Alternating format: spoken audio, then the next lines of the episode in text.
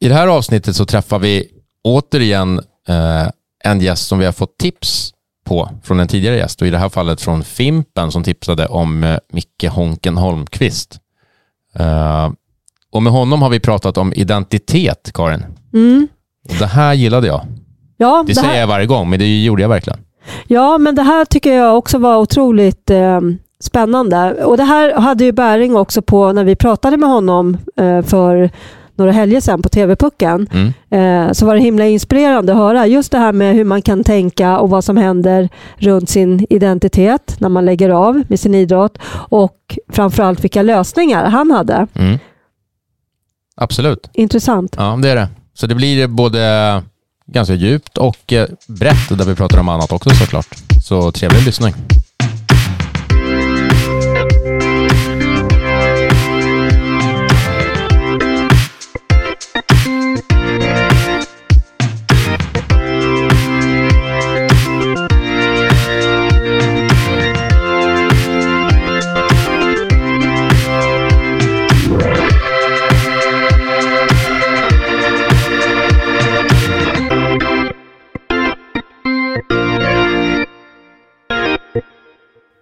Hej och välkommen Micke Holmqvist. Tack. Hur är läget med dig?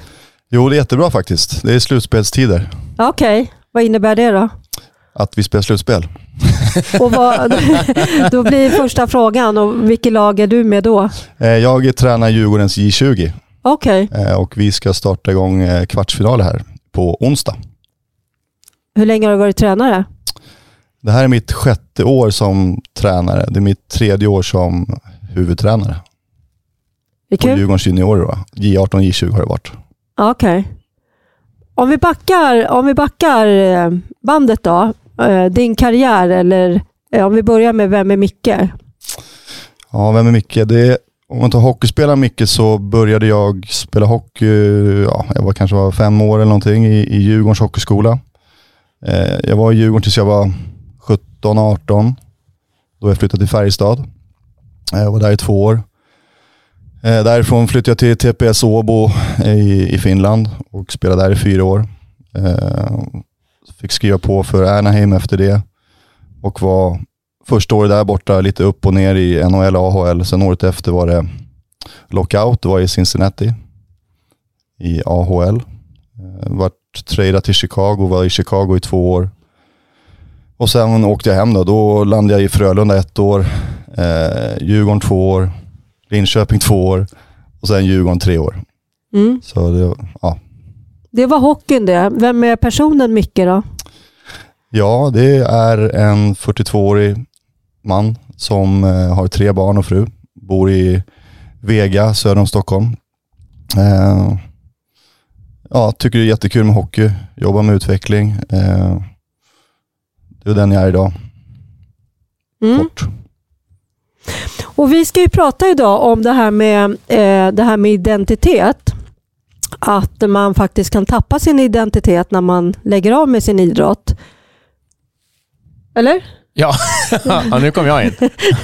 ja, det är det vi ska prata om. Ja, du Ja. såg så här frågande ut så jag tänkte, har jag sagt fel ämne här nu? Ja, Men nej, det har du inte. Du är med på banan jag tänkte faktiskt läsa eh, vad beteendevetenskapen säger om identitet. Är det okej att jag bara, deras definition på identitet? Ja, då säger de så här, identitet är en självklar känsla av att vara en egen person med egna egenskaper, tankar, åsikter och en egen personlighet. Identitet är också en självklar känsla av att kunna vara sig själv och att, och att våga stå för den man är. Eh, din identitet skapar du genom att förhålla dig till din omvärld på olika sätt.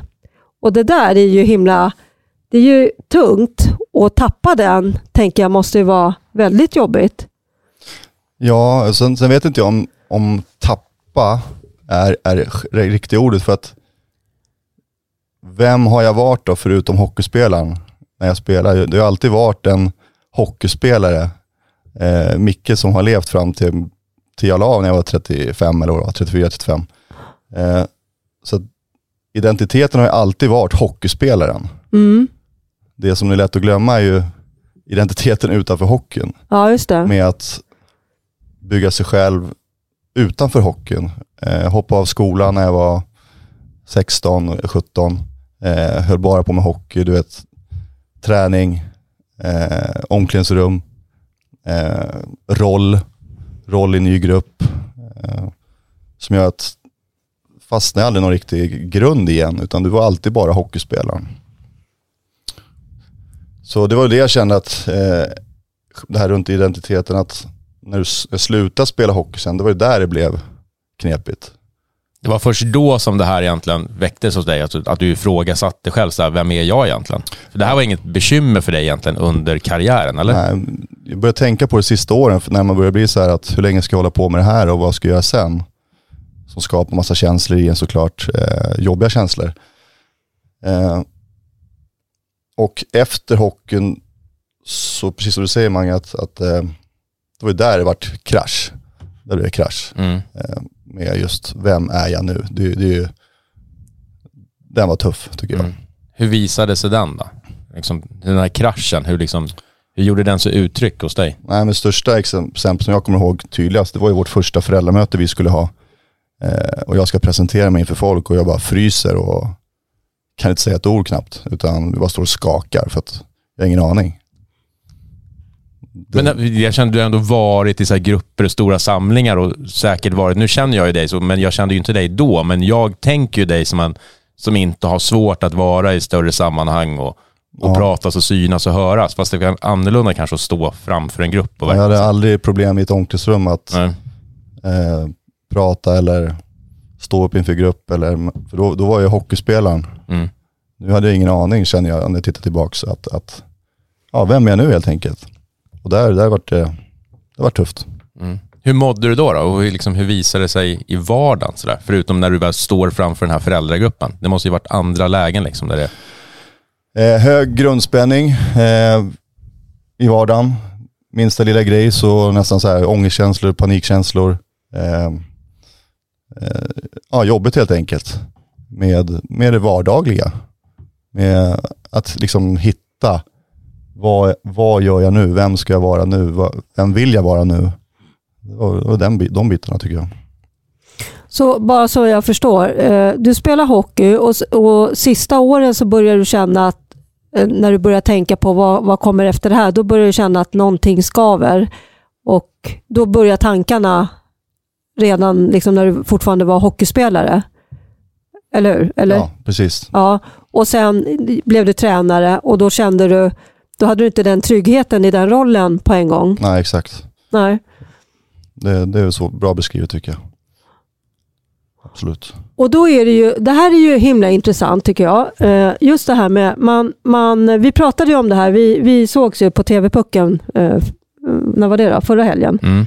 Eh, jag tyckte du sa det så himla bra sådär, Micke, just det här med att det är lätt och man kan ju ha olika utmaningar som har bäring på, på sin idrott, hockeyn då i ditt fall. Och så skyller man lite på den, att det är hockeyns fel om man nu säger så.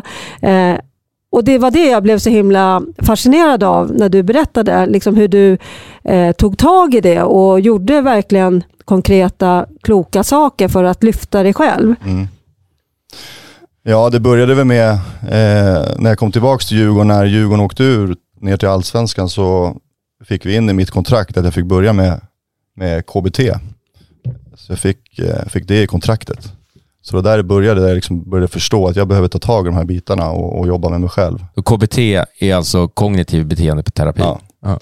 Nej, men det, så det var ju samtal då med en terapeut eh, där, man, där jag upplevde att det var mycket prat om dåtid. Eh, varför saker är som de är och sådana saker. Inte lika mycket träning för framtiden eh, som jag hade önskat att det var.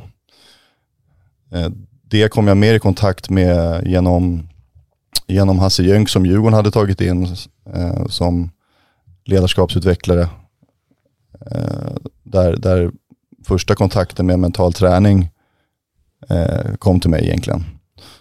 Och den resan har hjälpt mig väldigt mycket mer än, vad ska jag säga, mer med att, att jobba framtid. Hur vill jag må liksom, framåt istället för att prata om hur har jag mått, varför mår jag som jag mår, på grund av vad liksom. Mm. Eh, Hans tipsade om en kurs som heter PUMT-kursen på Skandinaviska ledarhögskolan. Eh, det är personlig utveckling genom mental träning Eh, som jag började gå med eh, ja, en grundkurs i mental träning e- helt enkelt där man får börja bygga sig själv från grunden. Och för mig, för mig har det varit liksom nyckeln i, i vägen ut till där jag är idag. Men jag tänker så här, det låter ju ganska eh, slarvigt att säga så, men det låter ju ganska enkelt för dig att eh, liksom, då, då hände det och så kom du på det där med KBT eh, och så studsade det rätt, eller studsade rätt, men du gjorde rätt saker i rätt ordning kan man säga. Eh, men hur, hur var det där? Liksom? Fick du hjälp så här att eh, Alltså, det jag försöker säga är nog att var det så lätt att, att inse att fan, jag behöver den här hjälpen. Jag behöver prata här och så behöver jag, nu har jag liksom sorterat i dåtid, nu behöver jag eh, se framåt och sätta siktet på framtid. Alltså, kom allt det där av sig självt eller? Ja, det gjorde det faktiskt för att det var inget roligt att må som jag gjorde. Nej. Eh, så till slut så var jag tvungen att ta tag i kände jag.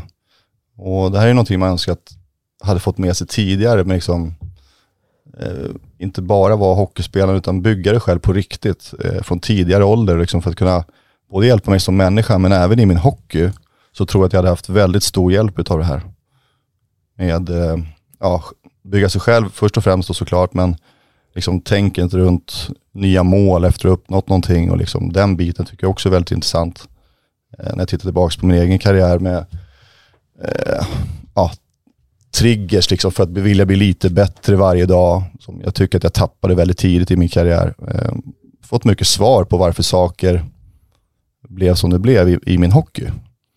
Eh, så det hade jag jättegärna velat haft tidigare. Mm.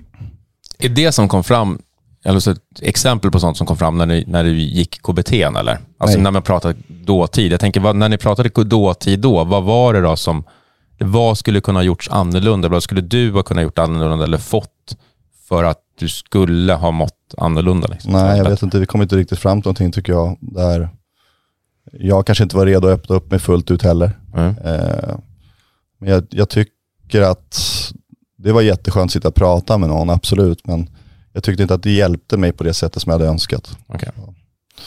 Eh, så när landade det här då? När vi pratar målbilder och triggers och sånt. Kom det som när du gick utbildningen sen att, att sånt här är, är viktigt att jobba med just för att, eller? Ja, jag, just det här med mål och sådana saker, det, det, fick jag svar i, i, min, i min utbildning. Att, eh, att alltid haft en dröm sen du är liten att, att spela NHL som liksom driver dig varje dag och på, det, på vägen så är det såklart massa delmål som du, som du går igenom. Med, ja, du har TV-puck, du har, du har landslag, du har en draft, du har SHL, du har landslag och sen till slut har du nått ditt mål. Då. Eh, där upplever jag någonstans att det blir en, du uppnår det du har drömt om hela livet så blir det någon slags, jag har gått i mål. Mm. Och drivet liksom tappades helt enkelt. Det, det, det är där jag fått svar på mycket tycker jag. Mm. Var det svårt då när du kom hem? Om man säger så här, ja men du var i NHL, jag kan ändå tänka mig under de dagar, två åren, vad sa du att det var det? Som var, som det var mer ordinarie, mer två och ett halvt år ja. ungefär. Så, och då tänker jag ändå, då är man i den där bubblan och det grullar på. Men sen när du kommer hem då, till Sverige igen, för då har du ändå haft, du har nått det högsta, mm. det som du verkligen drömmer om. Och sen så ska, då är det nästan som att du ska gå ner dig då och spela SHL sen igen. Så, var... ja, så, så, verkligen så var det. Mm. Och det här drivet att vilja bli lite bättre, tycker nej. Du var klar liksom? Ja, klar. Mm. Mm. Klar med hockeyn och ja, det är ett jobb. ska jag jobba. Mm. Och det här drivet att vilja bli bättre, det fanns inte tycker jag. Och det här är också, som gör det ännu tydligare tycker jag, det är att när jag får komma tillbaka till Djurgården, när Djurgården åkte ut. Djurgården betyder ändå någonting för mig. Det är min moderklubb och, och allt det där. Så att, eh, och det finns ett uppdrag att ta upp Djurgården till SHL igen, så tänker jag tillbaka att då skapades något slags driv igen igen. Att nu fanns det något tydligt att sträva efter som gjorde att man blev påkopplad igen. Mm. Så. Ja, det behövdes för dig. För, för ja. dig var det kanske bra att det fanns en sån resa att göra för klubben. Liksom. Ja. Att inte bara man är något ja, mittengäng och allt bara rullar på. Och så blir, ja. Fattar. Så, så det du säger då, det är att det, i ditt fall så var det en tydlig koppling med att ha en, en tydlig målbild levande för att må bra, för att liksom eh, kunna bibehålla motivation och jag tänker bara hur vi kopplar det här till identiteten nu. Mm. Jag tänker högt, men eh, Det är bra. Tydliga målbilder, absolut, är en vikt, viktig grej i det. Men också förmågan att kunna stanna upp i vardagen, tror jag är jäkligt viktigt. Att kunna njuta av att, kolla, får jag spela i NHL? Jag har drömt om det här hela livet. Sen lägger jag av med hockey, vad, vadå, har jag varit där ens? Har jag njutit av det här? Eller har det bara rullat på? Har, blev allt en vardag till slut? Vilket det blev egentligen. Mm. Mm.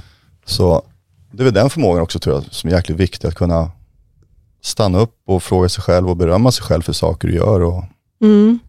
och det där, tacksam och de bitarna. Ja, och det där tycker jag är kul eh, med dig Magnus, för du brukar säga i TV-pucken, för det här gäller ju liksom alla, tänker jag, alla åldrar oavsett vad man gör sådär, så brukar du säga eh, när det är någon viktig match sådär, eh, glöm inte att ha kul nu.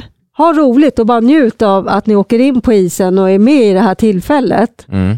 För det är precis som du säger, det är så lätt så här, nu ska det här städas av och så liksom, eh, har man redan, när man är där och, där och då, så är man redan liksom framme i J18 och tänker liksom, eller hur? Det där gäller ju eh, vilket arbetsliv Oavsett som man är, helst. ja. Ja, precis. Absolut.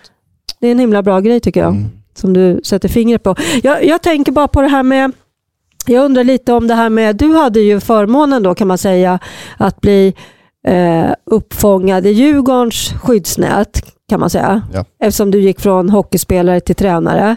Jag tänker de som inte har det, som är hockeyspelare och sen har man ingen kanske förankring alls i hockeyn. Vad tror ni, nu tittar jag på er båda, vad tror Mm. ni, vad händer då? då? Jag tänker, jag tänker lämna det till dig Micke, men jag tänker för du borde ju ändå ha kompisar som har varit i samma situation som du har varit och som inte får leva liksom i hockeyvärlden sen och ändå känna, ja, bli upp, uppfångade av det, utan de måste hitta andra vägar. Liksom. Ja, jag, jag vet ju inte exakt för jag har ju själv Nej. inte gjort det såklart. Men, men nej, det, alla är olika såklart. Jag säger inte att alla mår dåligt i sin hockey, det är inte det. Men det här är vad jag upplevde att jag behövde hjälp, jag tog hjälp och jag blev uppfångad av hockeyn efter. Jättetacksam för det såklart. Eh, en del är ju jätteduktiga på att plugga. En Mm. del eh, vet exakt vad man ska jobba med efter. Liksom man har varit noggrann och planerat kanske och, eh, under sin hockey. Så jag vet inte hur många som hamnar snett. Det vet jag Nej. inte. Ja. Och det behöver inte vara så allvarligt. Det kan vara bara att utmaningen kan ju vara, jag tänker det finns väl grader i, man brukar säga det finns Mm. grader i helvetet. Mm. Eh, Så det behöver inte vara jättedramatiskt heller. Liksom. Men eh, det var ändå bra då att du hade Djurgården där som... ja, jag hade lite tur där. Absolut. Och eh, idag då, hur gamla är de som du tränar idag? Det är från 05 till 02. Så de som är första års på hockeygym är 05. Och sen J20, där har du ju, det är några 04, 03, 02. Vad blir det då? Magnus? Ja, de äldsta är 20. Ja. De, om man är tidigt Mm. född. Just nu. Mm. Mm. Vad, vad är det du liksom kan bära fram till dem utifrån dina erfarenheter? Nej, men så här, jag tycker väl att, som jag försöker tänka, sen är det inte säkert att man lyckas varje gång, men, men grunden i tänket är ju att må och fungera bra som människa. Eh, för att kunna tycka att det är roligt att komma dit 7.40 måndag morgon och försöka bli lite bättre. Eh, det är det som är en grundtanke, att alla ska tycka att det är kul att komma hit. För annars blir det jäkligt svårt att bli bättre. Om jag utmanar dig där då, för det är ju, det är ju rätt, Mm. alltså det förstår man, det är nästan en hygienfaktor att det måste vara kul. Men hur får man en grupp att känna att, att det är kul och jag vill verkligen underkasta mig all den här träningen och Eh, jag tror mycket på tilliten mellan mig och spelarna. Mellan oss ledare och spelare. Eh, individuella samtal, öppenhet. Eh, för att få spelare att lita på att vi är där för deras skull. Jag är inte där för att göra en träna, raketkarriär som tränare, utan jag är där för att hjälpa dig som är här och vill bli hockeyspelare och lite bättre som människa. Det, det är väl liksom det som är grunden i allting tycker jag. Att de här individuella samtalen, eh, att jag vågar öppna upp mig för att du ska våga säga hur du känner. Eh, det är liksom grunden, tycker jag. Så du ser mer personer och inte prestationer, eller?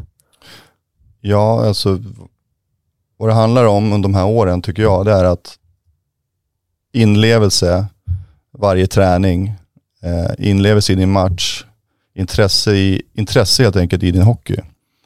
Eh, för då vet vi att då kommer du få utveckling och det är det vi jobbar med. Så grunden är att du behöver fungera bra när du kommer hit, för annars kommer du inte utvecklas. För du kommer inte tycka att det är kul.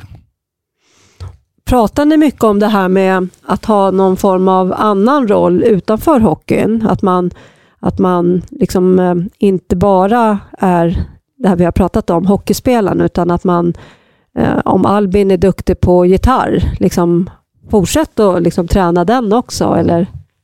Det är mest fokus på skolan. Eller skolan, ja, ja, såklart. Att, ja. Att, att, skolan ska skötas. Mm. Så det, det är ett bra grund, en bra grund att stå på, att de, att de gör klart skolan och, och sköter det på Mm. ett bra sätt. Och då kan det ju vara så att ligger du efter skolan, då, då tar du ledigt från träningen för att du behöver plugga ikapp. Det är inga konstigheter, utan skolan är jätteviktig. Jag tycker det är en bra grund att stå Mm. på. Mm. Både såklart utvecklings, alltså utbildningsmässigt tänker jag, men också just för när vi pratar om det här, att vem man är som person. Att, att där kanske man faktiskt inte är hockeyspelaren Albin, utan man är någon annan. Liksom. Då är man Albin. Mm. Att det är nyttigt liksom. Mm. framöver också i ett längre perspektiv än bara här och nu. Mm. Tystnad. Ja, jag satt och tänkte på dig nu Magnus, eh, på din identitet som Vem jag är? TV-puckstränare. Liksom, som, Ja, eh, det är väl en väldigt, väldigt liten del av mig. ja precis. Ja. Men en stor del för, för många som inte känner dig kanske? Kan det vara så? Att det är den jag är. Ja. Ja, så kanske. Jag har- var i, i en ishall igår och tittade på en turnering och så kom det fram en förälder som inte var förälder till dem, men, men som jag kände sedan tidigare som sa att grabbarna snackar om att tv-pucken är här. Så, det, ja, så då är jag tv-pucken. Liksom. Ja. Mm. Ja, det blir ju så. ja. Mm. Ja, vad, ska jag säga? Jag är ju inte bara det. Det är ju någon vecka, ett par veckor om året. Liksom. ja. Någon helg här och där. Ja, så det är, jag är ju någon annan som tur är. Men vi, nu ska ju inte det här handla om mig, Karin. Men, men jag tycker det här är, eh, du, du, sätter ju verkligen, du sätter ju verkligen fingret på det som är viktigt. Det här med, jag tänker, eh, det absolut enklaste, fast det, det är ju svårast att göra, men det här med att stanna upp sig själv i sin vardag. Den är ju, alltså när du säger det så är det ja, jo, jo Micke, det fattar vi också. Men den är ju de facto väldigt, väldigt viktig och svår. Eller hur? Ja, det, det är väl, kan man väl bara gå till sig själv. Om man Ja, så att faktiskt precis. njuta av. Om man, nu har, om man nu har någonting att njuta av såklart. Men jag tycker att jag har det och försöker ändå påminna mig själv ibland oavsett om det handlar om att vara hemma med familjen eller om jag är i ishallen och, och på jobbet liksom, som jag älskar. Så att faktiskt njuta av det man har. Absolut så. Jag är lite nyfiken på det här med målsättningar, Micke. Du pratade att det var en stor del, av viktigt för dig förut. Idag då? Vad, är liksom, vad har du för... Jag vet ju att vi såklart har så prestationsmål med våra lag, givetvis, men det är ju inte det som liksom styr en varje dag. Vad målet är nu, som tränare? Exakt, ja, för om, det, om det var så jäkla viktigt för dig förut som spelare, då tänker jag att det ändå måste finnas för dig idag också, eller? Eller så gör det inte det och att du kanske inte är i behov av det på samma sätt idag. Nej, jag tycker att eh, det som driver mig att gå till jobbet varje dag och tycka att det här är jäkligt roligt, det är att få se eh, grabbarna i det här fallet eh, bli lite bättre. Eh, få se grabbarna ha roligt ihop, få se grabbarna vinna tillsammans. Eh, det får jag riktigt bra energi av. Få se killar som får göra SHL-debuter, eh, killar som har skrivit NHL-kontrakt. De får uppnå sina drömmar helt enkelt som- ja, som hockeyspelare. Det, det, det är mig en glöd. Sen om jag kommer stå i ett SHL-bås eller inte, det är mindre viktigt just nu. Utan jag är inte rädd för det längre och jag vet att jag kommer göra det så småningom. Har jag sagt till mig själv i alla fall. Mm. Men jag har jag har ingen bråttom med det, utan för att jag har så jäkla roligt på jobbet som det är idag. Så att händer det så händer det. Mm. Det där tycker jag, nu blir det som någon hyllning till dig, men det är bara eftersom jag också känner dig och att vi sitter i samma rum varje dag. Men just det att när du säger att du inte har bråttom, för det har vi pratat om flera gånger på det med olika gäster och i olika sammanhang sådär när det handlar om att det är så jävla många spelare som har sjukt bråttom, men jag upplever också att det är väldigt många tränare som har väldigt bråttom. Och framförallt kanske om man kommer från en, en lång karriär och framgångsrik karriär som du gör, att jag tycker att jag var imponerad när du började som tränare, att du var jävligt så här, öppen med så här, jag kan inte det här. Bara för att jag har spelat NHL så är inte det samma sak som att jag är en skitbra tränare. Så, här. så lär mig liksom. Det var jag imponerad av från början. Ja, bråttom kan vi prata om. Mm, det kan vi göra. det är många som har. Ja, ja Du har ju haft bråttom. Du hade ju bråttom som spelare. absolut. Det vet man ju. Berätta om det då. Absolut. Ja, men okej då, det kan vi göra. Mm. Eh, nej, men jag var väl duktig 17-18-åring sådär. Gick, gick ju tidigt i NHL. Sådär. ja, jag i, en NHL-draft, får gå i en första runda och lite eh, omogen. Eh, lite skalle kan man väl säga. Eh, Djurgården vill skicka mig till Huddinge för att fortsätta utvecklas där. Det tyckte inte jag, utan jag tyckte det var jätte, jätteviktigt att spela i elitserien. Eh, för att någon annan fick det i min ålder eller någon Mm. som var ett år äldre eller börja jämföra sig med andra. Eh, fel beslut hockeymässigt. Eh, livsmässigt rätt beslut. Träffade min fru där, vi har tre barn ihop. Så Ja, det blir... det var ju bra Det beslut någonting bra. på det sättet. Eh, men hockeymässigt så kanske inte det var rätt beslut. Eh, ja, det var det största beslutet Mm. som har med stress att göra egentligen. Mm.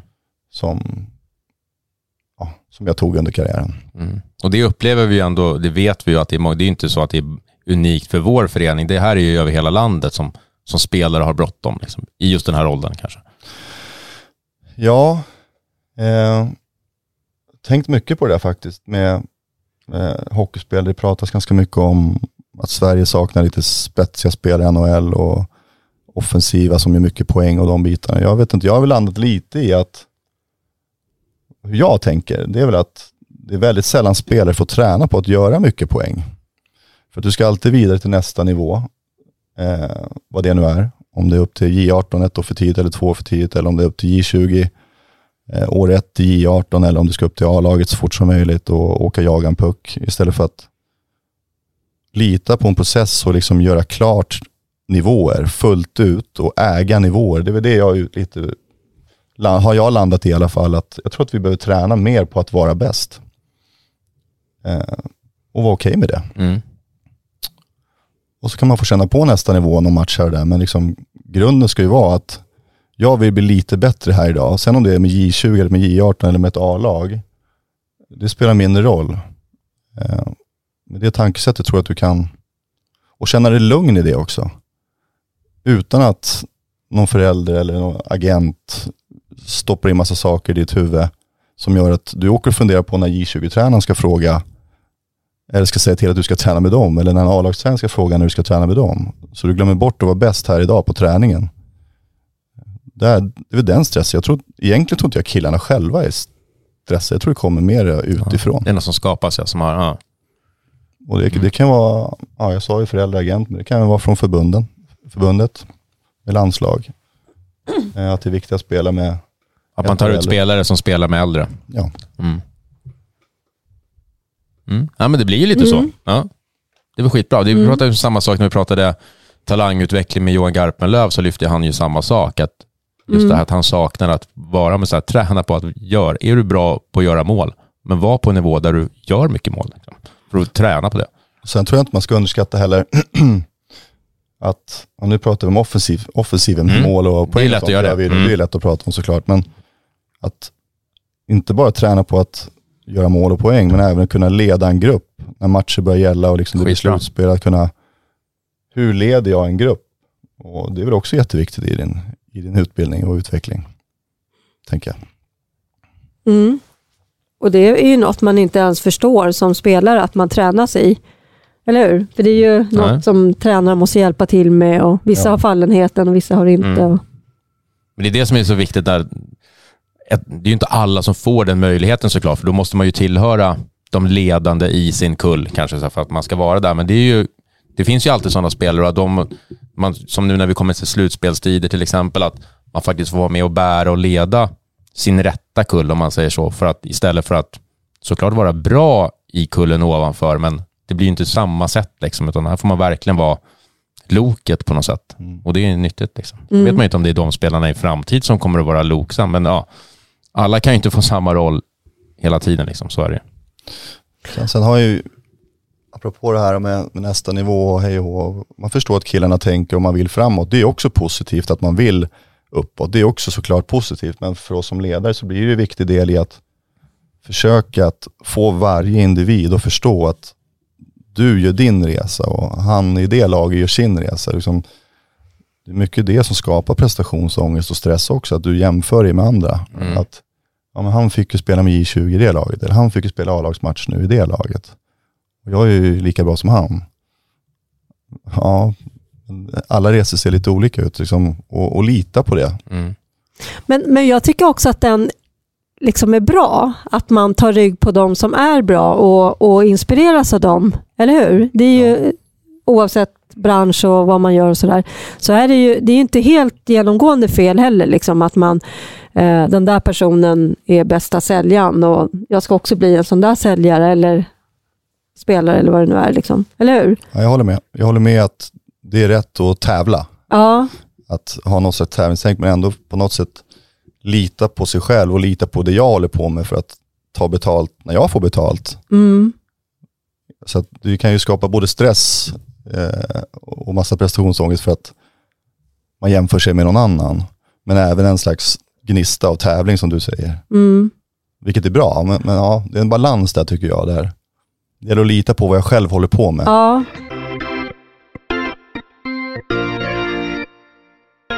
Vi är sponsrade av Athletic Work. Athletic Work är ett bemanning och rekryteringsföretag som hjälper personer med någon form av idrottsbakgrund på alla nivåer. Från idrotten får man med sig goda egenskaper som är viktiga på arbetsmarknaden. Viljan att vara bäst och prestera sitt yttersta på tävlingsplanen, som på arbetet, är det mål som Athletic Work och deras konsulter strävar efter. Athletic Works vision är att skapa ett idrottslag på arbetsmarknaden. Det har idag hjälpt flera personer ut på arbetsmarknaden och av egna erfarenheter vet jag att kontakt med Athletic Work faktiskt leder till jobb. Så om du letar efter ett nytt jobb, tveka inte att höra av dig på www.athleticwork.se. Tack Athletic Work!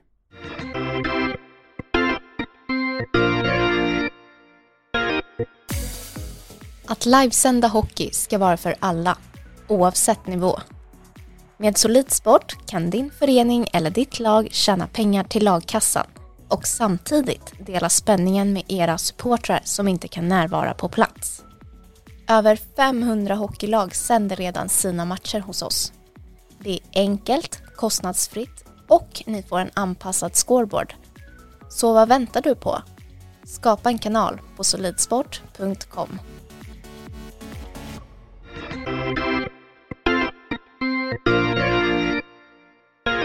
Och sen är det ju lite så här svårt, eller ni vet, i Sverige så kan det vara lite så här fult om man vill säga så här, alltså jag ska tjäna väldigt mycket pengar.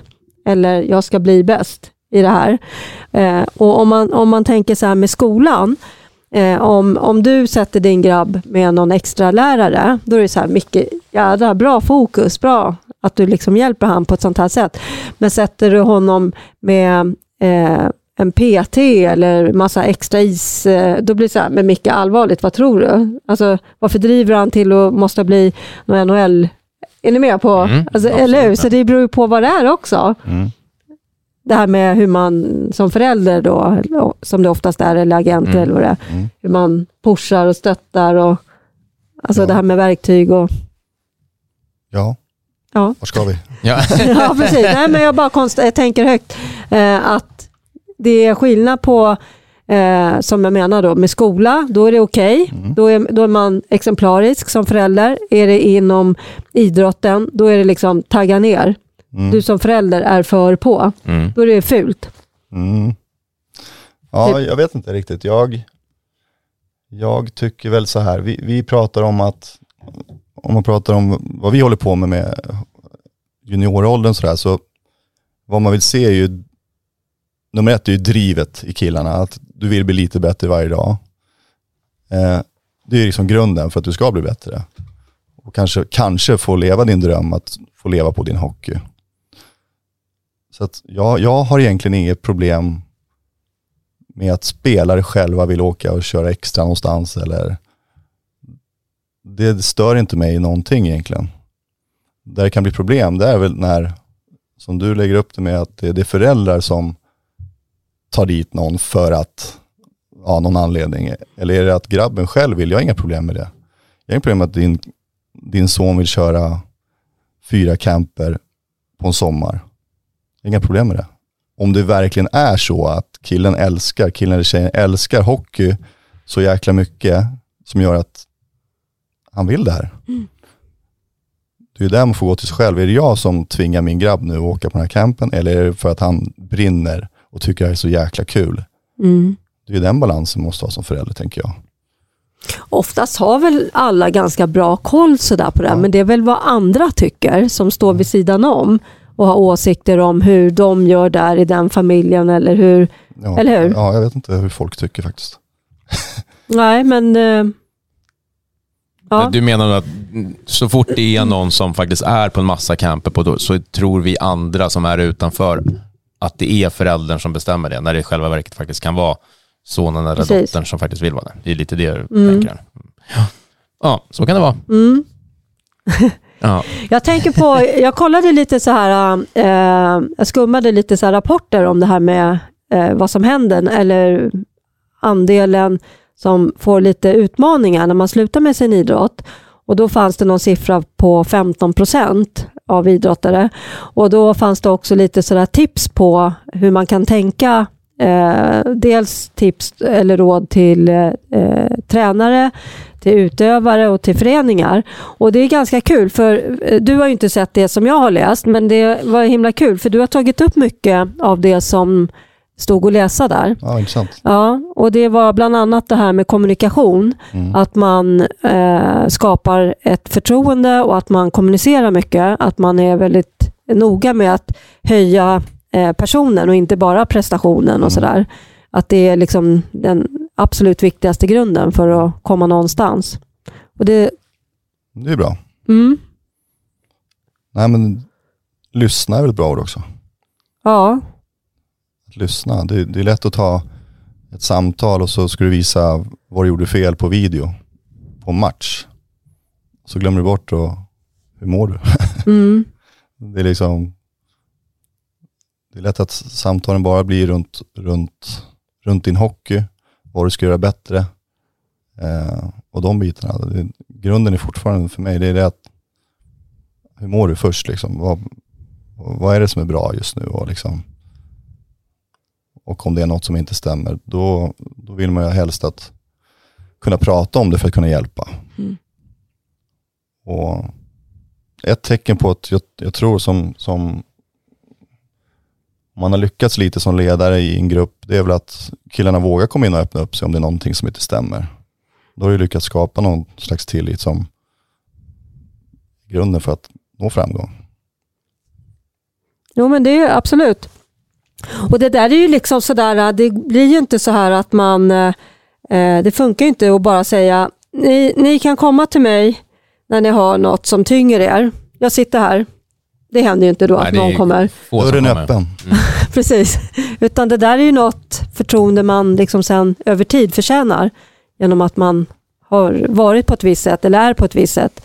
Eller hur? Ja, Absolut så. Så, se- sen, jag vet inte vad du känner Mange, men sen när man jobbar över tid med spelare, eh, när du lär känna dem på riktigt så ser du ju ganska snabbt om det är någonting som inte stämmer. Det är ju där också det gäller att våga, att våga ta det samtalet och inte, ja men det är säkert ingenting, skit i det. Utan jag ser att det är någonting Mm. inte stämmer här med Jag håller med. vem det nu är. Mm. Att, att kom så sätter vi oss och pratar lite. Mm. Ofta då har man ju haft rätt att det, det är någonting som händer i deras liv.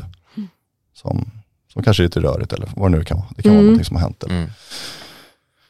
Så det är lättare när man får jobba med dem över längre tid också. Mm. Det är svårt att lära känna, Mm. känna dem så på några månader. Mm. Vad läste du mer än kommunikation på? Eh, jo, men då läste jag eh, det här med vikten av att man eh, som, alltså, som ut- utövare då, att man eh, tävlar, att det är viktigt att man har det eh, hela tiden framför sig, men att man är tydlig med sig själv, att man gör det liksom på sina egna villkor.